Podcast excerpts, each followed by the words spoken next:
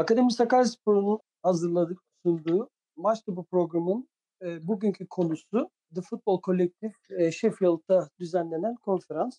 E, konuğumuz doçent doktor Serhat Yılmaz, e, Loughborough Üniversitesi'nden Spor ve Sağlık Bilimleri Fakültesi'nde öğretim görevlisi kendisi. Serhat kendinden biraz bahseder misin? Üniversitedeki görevinden yap, genel olarak nelerle e, uğraştığından? Tabii öncelikle böyle bir teklif için teşekkür etmek istiyorum. E, katılım teklifi için.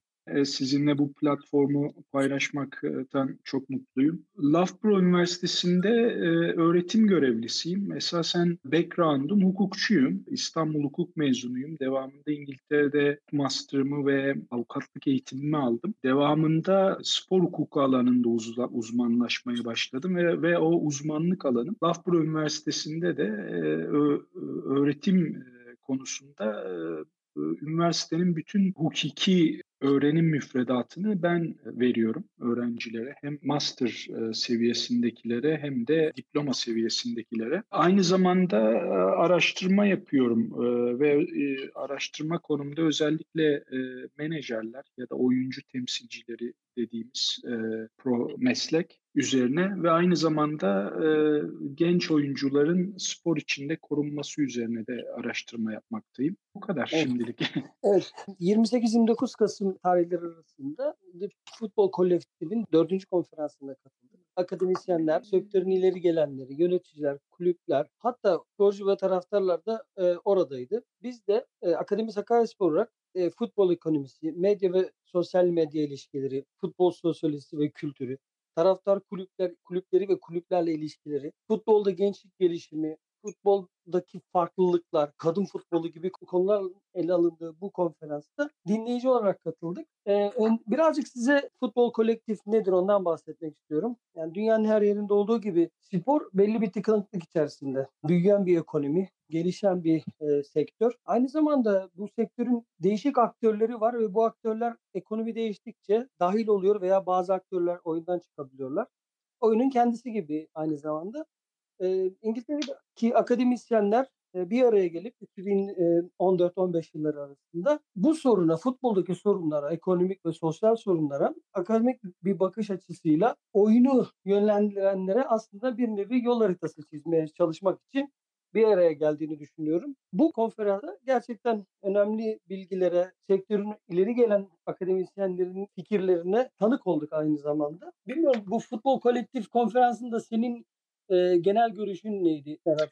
Evet yani e, konferans esasen e, bahsettiğin gibi Metin ihtiyaç duyulan bir platform. E, çünkü şu an özellikle İngiltere e, bazında çok ciddi e, akademisyenler var e, bu, bu endüstri üzerine araştırma yapan, e, endüstriyi irdeleyen, e, belirttiğin gibi daha çok e, işte futbolun endüstriyelleşmesiyle son 20 yıllık periyotta oluşan bir takım pro, e, problemleri var. Tabii e, endüstrinin bunları ele alan ve esasen bunları e, bir platformda bir araya getirmek e, güzel bir şey. E, konferans da o anlamda ben açıkçası ilk kez e, katıldım. E, geçmiş yıllardakileri e, maalesef e, Kasım periyodunda olduğu için genelde e, konferansın e, tarihleri yani her zaman uy- uygun olamıyor insan iş yoğunluğu dolayısıyla. Fakat bu yılkine özellikle katılmak istedim çünkü Sheffield'daydı. Hem benim e, Loughborough'dan çok uzak değil bulunduğum yerden ve çok verimli buldum. Yani e, bahsettiğin gibi e, hem o akademik e, toplulukla aynı çatı altında olmak, diyalogta bulunabilmek, e, aynı zamanda işte e, yapmış olduğum araştırma konusunda sunumda bulunup bir takım e, onlardan da feedback alabilmek, görüşlerini alabilmek, nasıl alanın çalıştığım alanın e, geliştirilebileceği konusunda çok çok verimliydi benim için de. Bir de tabii şey de çok dikkatimi çekti. Yine bahsettiğin gibi yani esasen e, kapsadığı konular da çok geniş. E, her ne kadar futbol ismi altında olsa da konferans esasen birçok futbolun yani birçok yönüne de dokunan bir konferanstı ve ben ben de çok başarılı buldum ve çok memnun kaldım. Evet yani e, pratik konular sektörden insanların direkt olarak konferansta e, sunum yapmaları da ayrı e, bir şeydi. Özellikle kadın futbolu, ondan sonra siyahi oyuncular veya siyahi insanların futbol sektöründe yaşadığı bariyerler, bu bariyerlerin aşılması için Asyalı, İngiltere'de yaşayan Asyalı insanların sporda, Müslüman kadınların sporda yaşadığı sorunların ve bu bariyerlerin hem toplumsal hem de e, futbolun kendi yönetenlerin tarafından yapılması gerektiğiyle ilgili e, birebir e, örnekler gördük. Beni çok etkileyen de e, son zamanlarda biliyorsun çok ünlü futbolcular 10-15 yıl içerisinde çok ani bir kararla çok mutlu insanlar olarak görünmelerine rağmen intihar etme, bunalıma girme, Evet, uyuşturucu, evet. alkol gibi farklı e, sporun çok farklı hiç alakası olmayan yönlerinde e, bunalıma girme durumlarıyla ilgili birçok örnekler yaşıyoruz. Bunu boksta gördük, futbolda gördük, bisiklette Evet. gördük.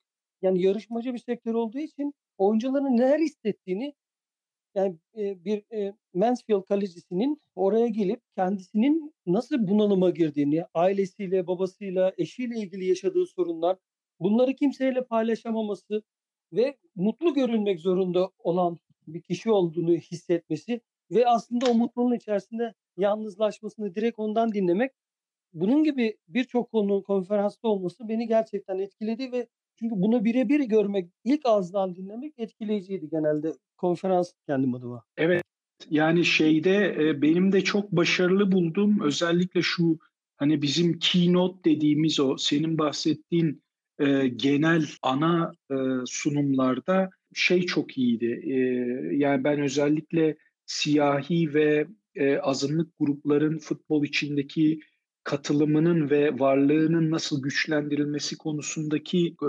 konuşmaya katıldığımda aynı zamanda, işte, eee, bahsettiğin gibi, yani, orada toplumdan birinin de ya da sektörün içinden birinin de olması çok etkileyiciydi akademisyenlerin yanında ve resmen, böyle, hani, o akademisyenin yaptığı teorik çalışma diyebilirsek, yani, araştırmanın bir tür, eee, gerçek yaşamdaki örneğini gözler önüne serebilen bir modeldi ki onu ben ben de açıkçası çok başarılı buldum ve o özellikle o o, ııı, kısım çok hoşuma gitmişti, o konuşma konferanstaki. Evet, Serhat şimdi birazcık daha geriye gitmek istiyorum. Hem arkadaşlığımız hem dostluğumuz hem de, eee, beraber tartışmalarımız uzun yıllara dayanıyor. Menajerlik sistemiyle ilgili sen, Westminster Üniversitesi'nde doktora yaparken zannedersem 2013 yılları yılında bir konferans düzenlemiştiniz. Ben de o konferansa katılma şansı bulmuştum. Konferansta genel olarak, eee, dinleyicilerimize açıklamak istiyorum. FIFA'nın menajerlik sisteminin ortadan kaldırılması planına ilişkin dünyanın dört bir yerinden menajerlerin, menajerlerin başarılı ve başarısız menajerlerin bir araya geldiği bir ortamda menajerlik sisteminin kal FIFA tarafından kaldırılmasıyla ilgili sorunlar tartışılmıştı. Şimdi biraz bize aslında 2013'ten öncesi de var menajerlik sisteminin kaldırılması. FIFA'nın duruşu, menajerlik gerçekten ihtiyaç mıdır? Sektör menajerliğe ihtiyaç duyuyor mu? Duyuyorsa nasıl bir menajerlikten bahsediyoruz? Oyuncuların ve kulüplerin korunması konusunda nasıl bir sistemden bahsediyoruz? Şu anda böyle bir sistem FIFA tarafından resmen FIFA bundan kaçtı. Kendisinin içinde bunun bir sürü sorundan dolayı dışında kalmak istedi. Bize hem tarihi olarak menajerlik sisteminden çıkışı, bundan sonrası nasıl olacak? FIFA nasıl ele alacak? Menajerlik sistemi nasıl olacak? Bunu bize anlatırsan sevinirim. Tabii ki. Ya, zaten şey, eee, yani, biliyorsun bu benim, eee, ana konularımdan biri. Özellikle araştırma araştırma konularımdan.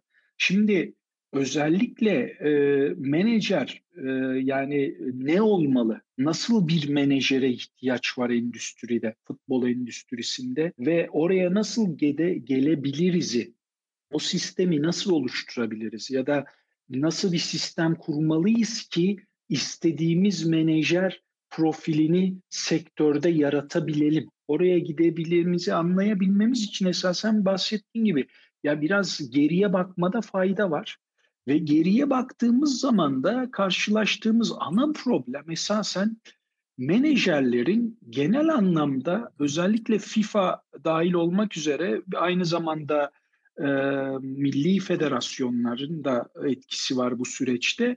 Nedense menajerleri futbol e, yönetim sisteminin bir parçamaları görmemeleriyle başlıyor başladı bütün problem ve sıkıntılar sistemdeki. O da şöyle, FIFA esasen menajerleri düzenlemek istedi ve bunu yapmak için de e, biliyorsun 1994 yılında ilk düzenlemelerini uygulamaya koydu ve 1994'teki uygulama e, düzenleme sisteminin özünde lisans sistemi var. Ve bu sistem nasıl işliyordu? İşte menajer olmak istiyorsan lisansa ihtiyacın vardı. Bu lisansı alabilmen için de bir sınavı geçmen gerekiyordu. FIFA tarafından federasyonlar üzerinden organize edilen bir sınavdı bu.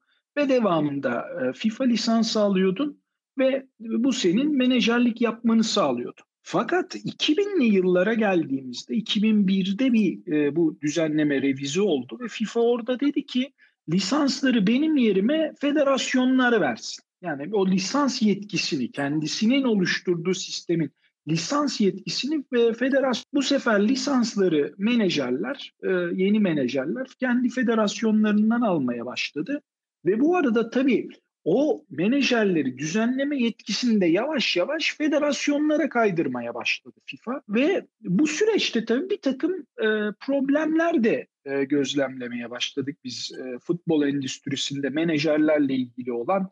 İşte bunun özünde mesela e, bizim e, yolsuzluklar dediğimiz bu finansal yolsuzluklar özellikle 2006'da belki hatırlarsınız BBC burada ciddi bir araştırma yaptı bu konuyla ilgili İngiliz futbolunda ve onlar işte bizim e, işte e, hani uy, e, uygunsuzluk dediğimiz işte menajerlerin transferleri gerçekleştirmek amacıyla yöneticiler ya da hocalara para teklif etmelerini e, ortaya çıkarttılar belli başlı transferlerde. Ve devamında bir de tabii şöyle bir problem ortaya çıktı ki esasında market içerisinde özellikle futbol transfer marketi içerisinde bir de tabii lisansı olmayan menajerlerin de rahatlıkla hareket edebildiğini gözlemledi bu araştırmalar ve e, esasen 2009'da da FIFA dönüp dedi ki ya benim e, lisans sistemimde bir problem, problem var. Çünkü lisanssız olan ve kendilerini menajer olarak tarif eden e, kişiler de e, futbol sektöründe e, hareket edebiliyor. Ve devamında 2009'da da dedi ki buna bağlı olarak lisans sistemi çalışmıyor. Biz yeni bir sistem üzerinde yarı çalışacağız. Ve bu FIFA'yı 6, 6 yıl sürdü. Bu 2009'dan 2015'e kadar bu yeni sistem üzerinde çalıştı. Ve bizim işte marketin yani menajerlik endüstrisinin deregüle edilmesi dediğimiz yani lisans sisteminin ortadan kaldırılıp markete herkesi markette herkese açtığı bir sistem getirdi FIFA. Herkese nasıl açtı sistemi? Lisans gerekliliğini kaldırdı. Bunun yerine de sadece gidip federasyona kayıt olma yükümlülüğü getir. Böylelikle esasen bizim anladığımız e, genel anlamdaki lisanslı menajer konseptini de bitirmiş ol ve şu an uygulamada olan bizim işte intermediary dediğimiz yani e, bunun tam anlamı ortadaki e, bir transferdeki orta adam konseptini yarat. Yani ara bulucu. Ara, ara, ara, ara bulucu diyelim. Ha, transfer ara bulucusu. E, o çok e, büyük, büyük ihtimalle doğru bir doğru bir kelime ve dedi ki ben transferi düzenleyeceğim ki şahsı ara bulucuyu düzenlemek yerine ve eğer sen de ara buluculuk yapmak istiyorsan federasyona kayıt olarak sadece federasyona belli bir ücret ödeyip kayıt olup sistemin içinde olabilmesini sağladı. Fakat şimdi bugün geldiğimiz noktada bir bakıyoruz e, ne oldu? Süreçte bir kere herkes markete girebilir hale geldi. Önceden özellikle sınavın, sınav gerekliliğinin lisans alabilmek için eski sistemdeki etkisi herkes sınavı geçemiyordu. Çünkü sınav çetrefilli bir sınav. Böylelikle markete giren, girebilen yani lisans alabilen kişilerin en azından belli bir derecede de olsa düzenlemeleri anlaması yani marketle ilgisi bilgisinin olup olmadığı kontrol edilebiliyordu. Şimdi ise öyle bir sistem yok. Yani bugün İngiltere Federasyonu'na siz gidip 500 sterlin e, ödediğiniz zaman artı bir de vergisi var. Totalde 600 sterlini ödediğiniz anda e, çok daha hızlı bir şekilde elektronik olduğu için bu kayıtlar aynı gün içinde bazen kaydınızı alıp yarın oyuncu ve transfer marketinde hareket edebilir hale geliyorsunuz. Evet. Şimdi bir araya girip bir şey söyleyebilir miyim bununla ilgili? Tabii. Eee, aynı zamanda bir soru da gelecek burada. Şimdi, benim takip edebildiğim kadarıyla şöyle bir durum var. Bazı ülkelerde menajerlik sistemi aslında %70 başarıyla çalışıyordu. Bazı ülkelerde yüzde on Tabii, tabii. gibi menajer diye bir, eee, lisansı olan kişi aslında menajerlikle hiç alakası olmayan 30 kişinin işini yapıyordu tek imzayla. Aslında 30 tane altında farklı oyuncu temsilcisi çalışıp ama transfere geldiğinde o oyuncunun, eee, o o menajerin imzasıyla bu transferler bitiyordu. Yani İngiltere'de çok önemli Türk futbolcuların da menajerleri aslında Fransa'dan getirdikleri başka lisansı olan menajerlere imza attırarak bunlar yapıldığını, eee, şahit olduğum da var. Şimdi şunu söylemek istiyorum. Soru şu: Diyelim ki dünyada bankacılık sistemi var ve bankacılık sistemi dünyanın belli ülkelerinde hiç çalışmıyor veya az çalışıyor ama belli ülkelerinde de %70 düzgün çalışıyor. Ama siz böyle bir karar alıyorsunuz, eee, dünya ekonomisi olarak. Bankacılık sistemini biz ortadan kaldırıyoruz. İsteyen istediği Evet. gibi bankacılık yapabilir gibi. Yani bu kadar biraz çok fazla abartılı görünebilir ama aslında işin içine biraz girdiğinizde FIFA'nın aslında bunu söylediğini görüyoruz. Yani, eee, belli Evet. yerlerde çalışan sistemi bozukluk hâline, komple bir bozukluk hâline getirdiğine inanmaya başladım ben artık. Yani, eee, bununla ilgili bilmiyorum açık Tabii, oldu mu sorum tabii, ama tabii, tabii. Şimdi, eee, işte ana sıkıntı bir de şöyle bir sıkıntı var. Yani düşünün FIFA kendinin yarattığı bir lisans sistemi vardı ve döndü dedi ki, "A, bu sistem çalışmıyor." Şimdi mesela ben araştırmamda bunu bunu sorguluyorum ve FIFA'ya ben bu bunları FIFA'ya da sordum bulunduğumuz platformlarda. Dedim ki, "Bir dakika, şimdi bu sistemi yaratan sensin düzenleyici olarak ve, eee, federasyonların üzerinden bu sistemin de kontrol edilmesini ve, eee, uygulanma zorunluluğunu oluşturan sensin ve devamında dönüp diyorsun ki, işte, sistem içerisinde lisanssız olmayan menajerler hareket ediyor." Peki, bu lisanssız olmayan menajerlerin, eee, olmamasını ya da bu lisanssız menajerleri sistem içinde hareket edememelerini sağlaması gereken merci kim? Yine bunlar sporun ya da futbolun yönetici kuruluşları. Yani bunlar kim? FIFA ve federasyonlar. Ya, burada ciddi bir şey var, sıkıntı görüyoruz. Esasen yani FIFA'nın yaklaşımında ve sistemsel bir sıkıntı. Özellikle düzenlemelerin uygulanmasındaki. Devamında dediğin gibi mesela bugün İngiltere Federasyonu'na baktığınız zaman İngiltere Federasyonu bu anlam bu alanda çok proaktif, yani gerekeni yapan bir federasyon ve, eee, esasen İngiltere Federasyonu'nun lisans sistemi aktif, iyi çalışan bir sistemdi. Eee, ve 2015'te marketin açılmasıyla, lisans sisteminin kaldırılmasıyla ortaya, işte, senin de, eee, dokunduğun esasen bahsettiğin şöyle bir şey çıktı. Ne oldu? Eee, bir marketteki düzenlenmesi gereken insan sayısı çok arttı. Bak, şöyle bir örnek verelim. Mesela ben en son, eee, kısa bir süre önce eee, buranın federasyonuyla birlikteydim. Eee, düzen 2015 öncesinde ülkede İngiltere'de 670 tane lisanslı ortalama. Yani Evet. çünkü o sayıyı biliyorsun her yıl sınav yapıyordu FIFA 2 kere, eylül ayında ve mart aylarında ve o sayı değişebiliyor lisans. Ama ortalama 670 tane lisanslı menajer varken bugün İngiltere'de 2400 tane kayıtlı arabulucu var. Hı. Ve ben, eee, ne zaman FA ile oturduğum zaman bunun markette yarattığı sıkıntı, onların da gözlemlediği ne biliyor musun? Şunu diyorlar: "Ya, baktığımız zaman arabulucu ya da menajer dersek biz bunlara tekrar sayısı 4 katına çıkmış. Fakat diyor ki FA, eee, federasyon, benim diyor elimdeki futbolcu havuzu, yani futbolcu sayısı 4 katına çıkmadı. Buna bağlı olarak diyor, eskiden atıyorum ortalama 6-10 oyuncuya bir menajer düşerken şu an İngiltere gibi bir ülke şu an 2 oyuncuya bir menajer düşüyor. Evet. Bunun da tabii sonuçları şu: Bu sefer ne oluyor? Bir bakıyoruz, işte, eee, mesela kulüplerle konuştuğun zaman diyorlar ki her taraf menajer. Eee, eee, bizim tesislerimize geliyor, akademimizin maçlarına geliyor, a ailelerle konuşuyor. Hı. ya da işte mesela daha geçen gün e, bir e, benim e, bu yöne, yöneticiliğini yaptığım bizim menajerlik programımız var biliyorsun eğitim programımız. Orada bir panel e, e, e, konuşması düzenlemiştim.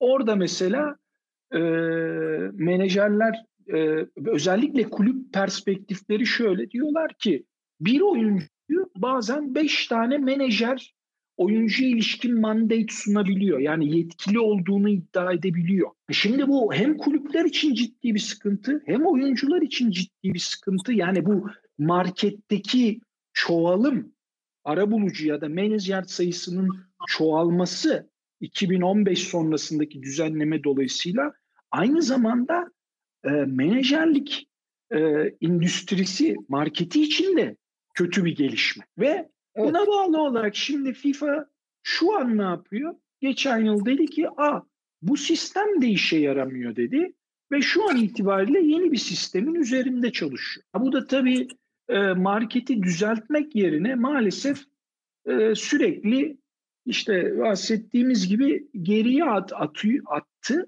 ve tabii bu arada menajerlik mesleğinin profilini de maalesef çok düşürdü. Hani evet. bahsettiğin gibi iyi menajerler de var sistem içerisinde. Maalesef kötü menajerler de var ve sistem maalesef iyi menajerleri ödüllendirmezken kötü menajerlerin ya da kötü demeyelim ama yani market için yeterli olmayan bilgisi, tecrübesi az olan menajerlerin ya da kontrol edilmesi zor olan menajerlerin çünkü lisansları olmadığı için ya da şu an kayıt dışı çalıştıkları için market içerisinde, e, futbol endüstrisi içerisinde hareket edebilmelerine imkan tanıyan bir sistemle karşı karşıyayız. Evet.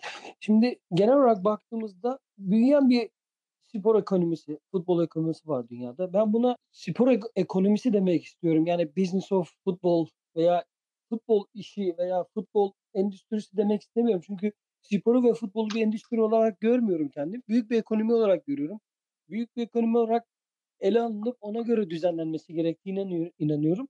E, genel olarak kulüplerin ve federasyonların içinde bulunduğu ahlaki sorunlardan kaynaklı ve bu bu sorunlardan faydalanan, fırsat bilen insanların menajerlik yaparak hem kulüplere hem oyunculara zarar verdiğini görüyoruz. Özellikle ülkemizde yakın zamanda Karabük Spor'un e, evet, Kayseri evet, evet. Erci özür diliyorum. Kayseri Spor'un e, şu an içinde bulunduğu ekonomik sorunların en temel ne, e, nedeni futbolcu menajerlerine bilinçsiz bir şekilde yapılan ödemeler.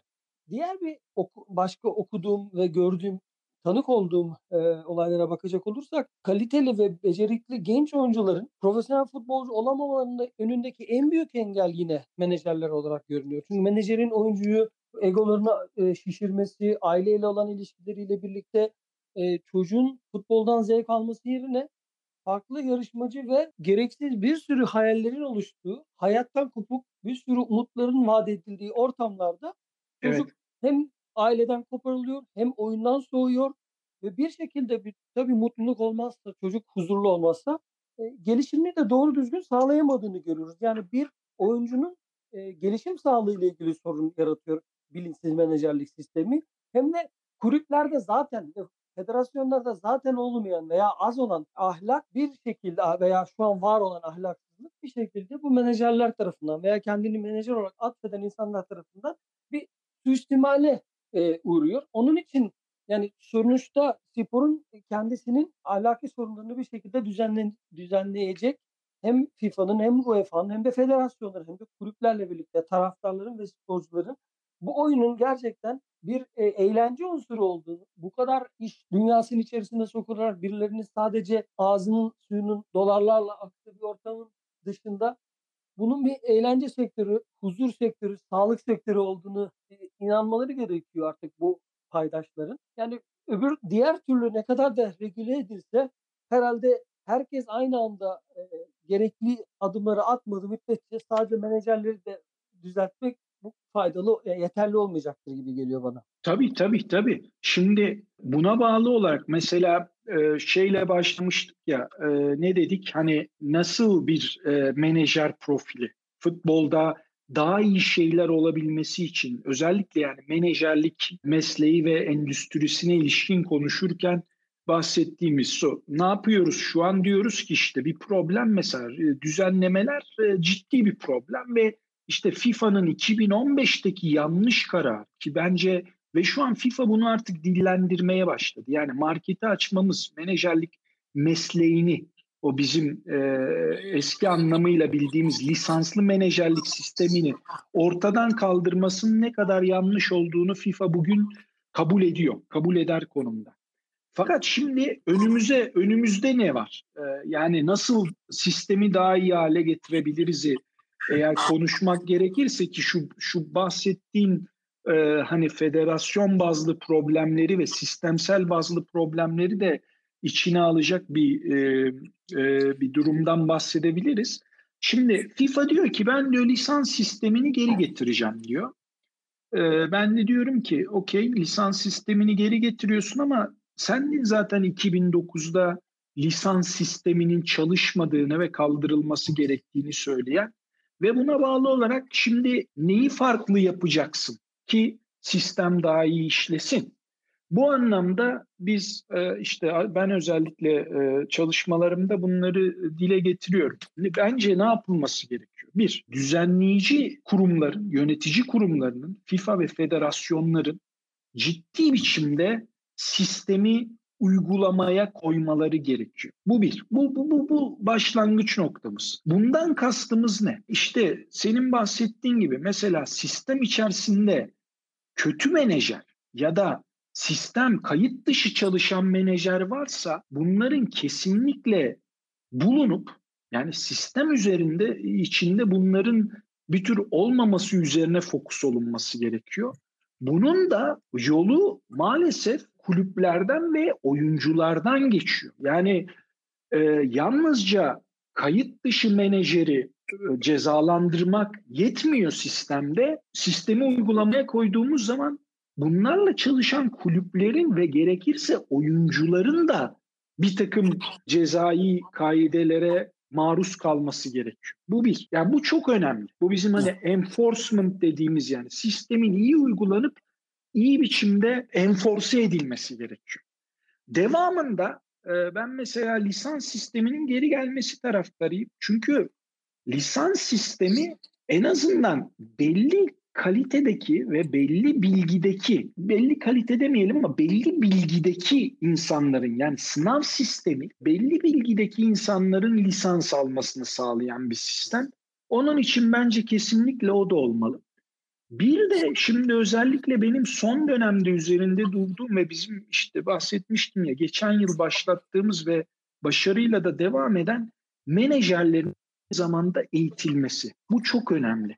Yani biz şu an dinamik bir futbol endüstrisinde e, yaşıyoruz ve şunu da unutmamalıyız. Artık yani menajerlerin yol e, e, rolü e, bu sektörde yalnız gidip e, transfer görüşmeleri yapmak, oyuncunun e, işte oyun e, takımla yapacağı sözleşmeyi düzenlemek değil. Artık baktığımız zaman özellikle global bazdaki bizim e, büyük e, menajerlik şirketleri oyuncuya bizim 360 derece servis dediğimiz e, yalnız transfer görüşmelerinden değil de bunun yanında e, işte e, lifestyle management dediğimiz hayatına ilişkin yardımlar olsun, brand management dediğimiz e, oyuncunun ekonomik e, ve ticari potansiyelini yükseltici çalışmalar olsun ya da e, ne bileyim financial management dediğimiz özellikle elit e, üst düzey oyuncuların ekonomik e, kazançlarının da yönel yön, yönetilmesine ilişkin bir sürü servis verir hale geldiler. Buna bağlı olarak da menajerlerin bütün bu konular üzerinde e, genel bir anlamda eğitilmesi ve sürekli eğitime tabi tutulması gerekiyor. Ee, biz aynı zamanda bunu da bunun da gerekliliğine inanıyoruz ve buna ilişkin çalışmalar yapıyoruz ve zaten şu an FIFA ve ve İngiltere Federasyonu'yla da diyalog halindeyiz ki bu çalışmaları daha global hale getirmek istiyoruz. Şimdi hocam e, antrenörlük kurslarına baktığımızda İngiltere'de yani şöyle bir şey var.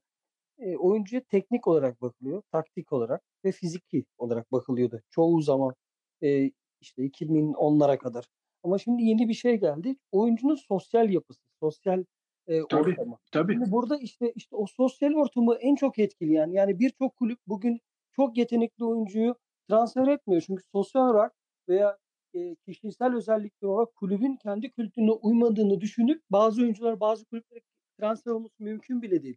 Yani onun için 4 korner dediğimiz dön 4 köşe diyoruz antrenörlük sisteminde ve bu sistem içerisinde teknik, taktik ve fiziki olarak bir oyuncuya bir antrenör her şeyi verebilir ama sosyal kısımda artık antrenörün ve kulübün oyuncuya vermesi, yani yüklemesi gereken yeni özellikler olarak görünüyor ve bu sosyal, eee, eee, antrenörlük kısmında da bence menajerlik sistemi çok can alıcı bir özellik yani. Tabii, tabii. Tabii, tabii, tabii. Ona kesinlikle katılıyorum. Yani şey, eee, işte o o bağlamda, eee, bahsettiğin yani bizim, eee, Loughborough'un bünyesinde mesela şu an çok önde olduğu alanlardan biri de spor psikolojisi ve özellikle biliyorsun yani spor psikolojisinin bir performans boyutu var. Yani performansına çok ciddi etkisi var. O, i içinde bulunduğun kafa yapısının, psikolojinin ama aynı zamanda onu etkileyen de şu bahsettiğin sosyal yapı ve mesela menajer burada nasıl bir rol oynayabilir? Biz mesela programda bunları irdeliyoruz. Yani bir menajer, eee, sporcu psikolojisini nasıl anlamalı? Yani böyle bir, eee, dersimiz var, eee, programda ve bu konu üzerine eğiliyoruz ve nasıl o alanı anlayıp oyuncuyu oyuncuya ne tür destek verebilir? Buna buna bakıyoruz. Aynı zamanda mesela özellikle genç oyuncularda, eee, akrabalarla olan ilişkiyi nasıl yönetebilir? Buna, eee, bu konunun üzerine düşüyoruz. Çünkü biliyorsun özellikle genç oyuncularda bir de akraba da aktif bir rol oynuyor. Yani çocuğun, eee, o kariyerinde diyelim ya da, eee, oyununda ve menajer bu süreçte hem akrabayı hem oyuncuyu nasıl destekleyebilirin üzerinde duruyoruz. Onun haricinde mesela bir talent ID yapıyoruz. Onun üzerine bir session'ımız var, eee, dersimiz var. Orada da hep ön plana çıkan şu, mesela şey sorusunu soruyoruz.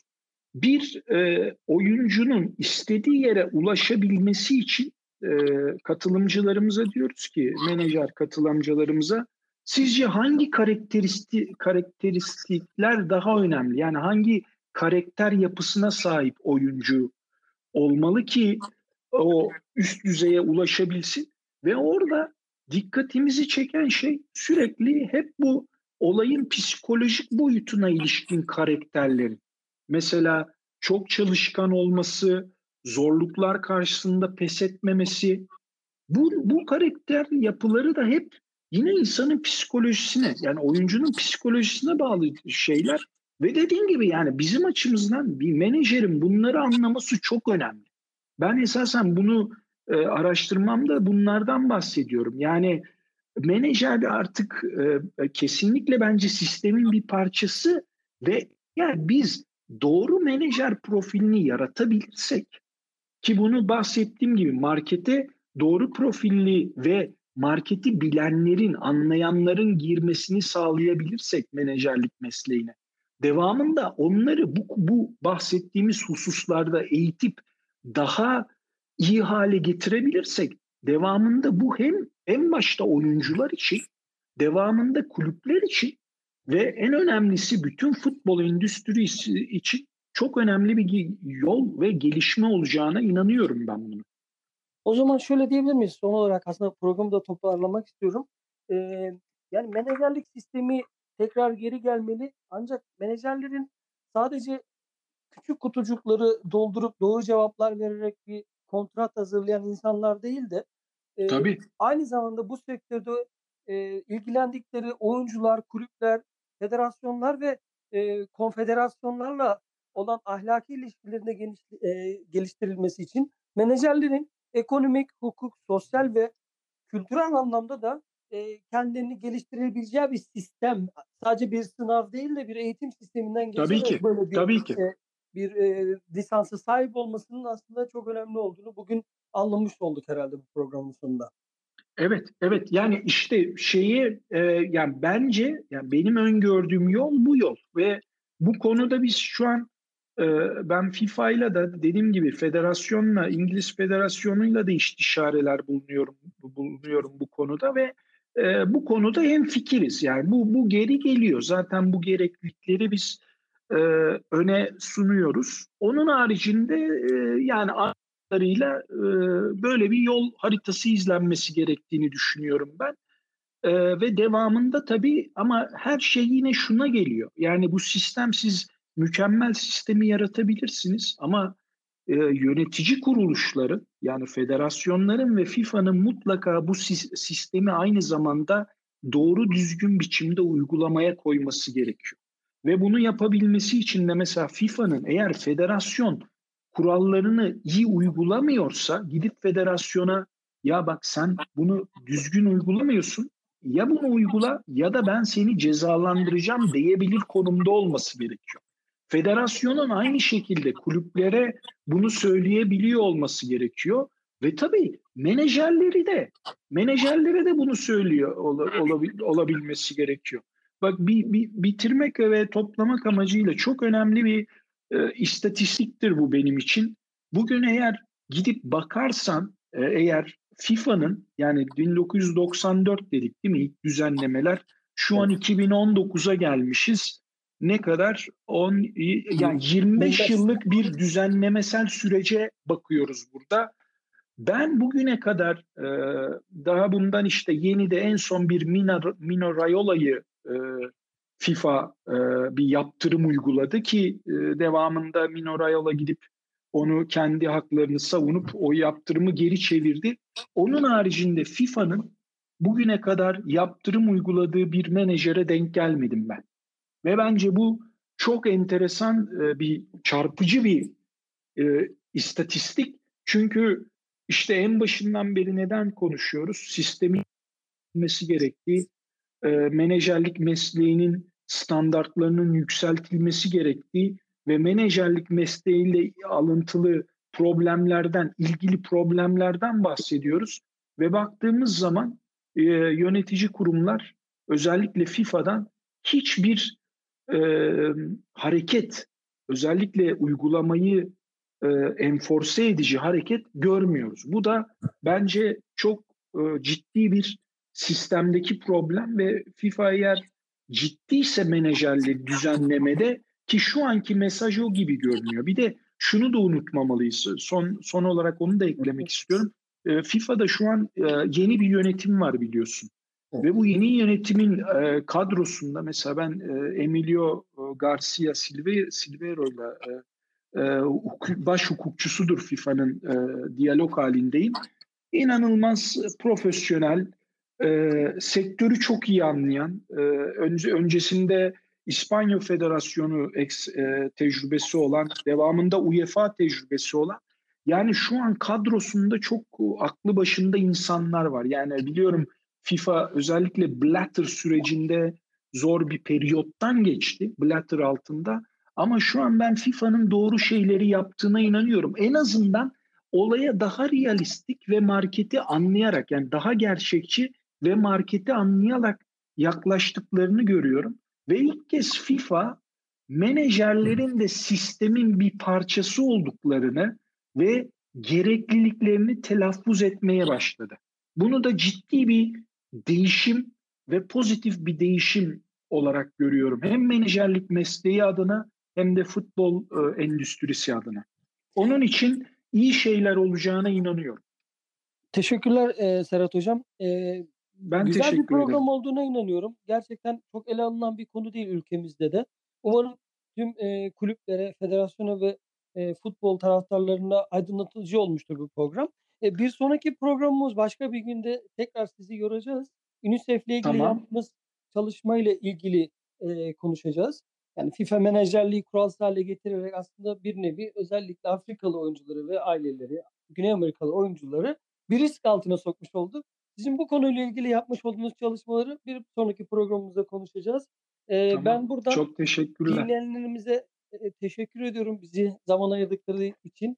Ee, bir sonraki programda tekrar buluşmak üzere. son, eee, sözü size veriyorum programı kapatmak için. Yo, çok çok teşekkürler. Eee, memnuniyetle tabii ki, eee, yani UNICEF için yaptığımız bir proje var. Onunla ilgili de, eee, seve seve, eee, konuşalım. Eee, umarım, benim ben de aynı fikirdeyim. Dinleyiciler için hem aydınlatıcı hem de verimli bir diyalog, olmuştur ve özellikle şu şu şu anki bu geçiş sürecini, düzenlemesel yeni düzenlemeleri için geçiş sürecinin arkasındaki sebepleri, iyi irdelemiş olduğumuzu düşünüyorum. Umarım, izley izleyici ve dinleyiciler için de verimli olmuştur. Çok teşekkür ediyorum. Teşekkürler, görüşmek üzere tekrar. Görüşmek üzere.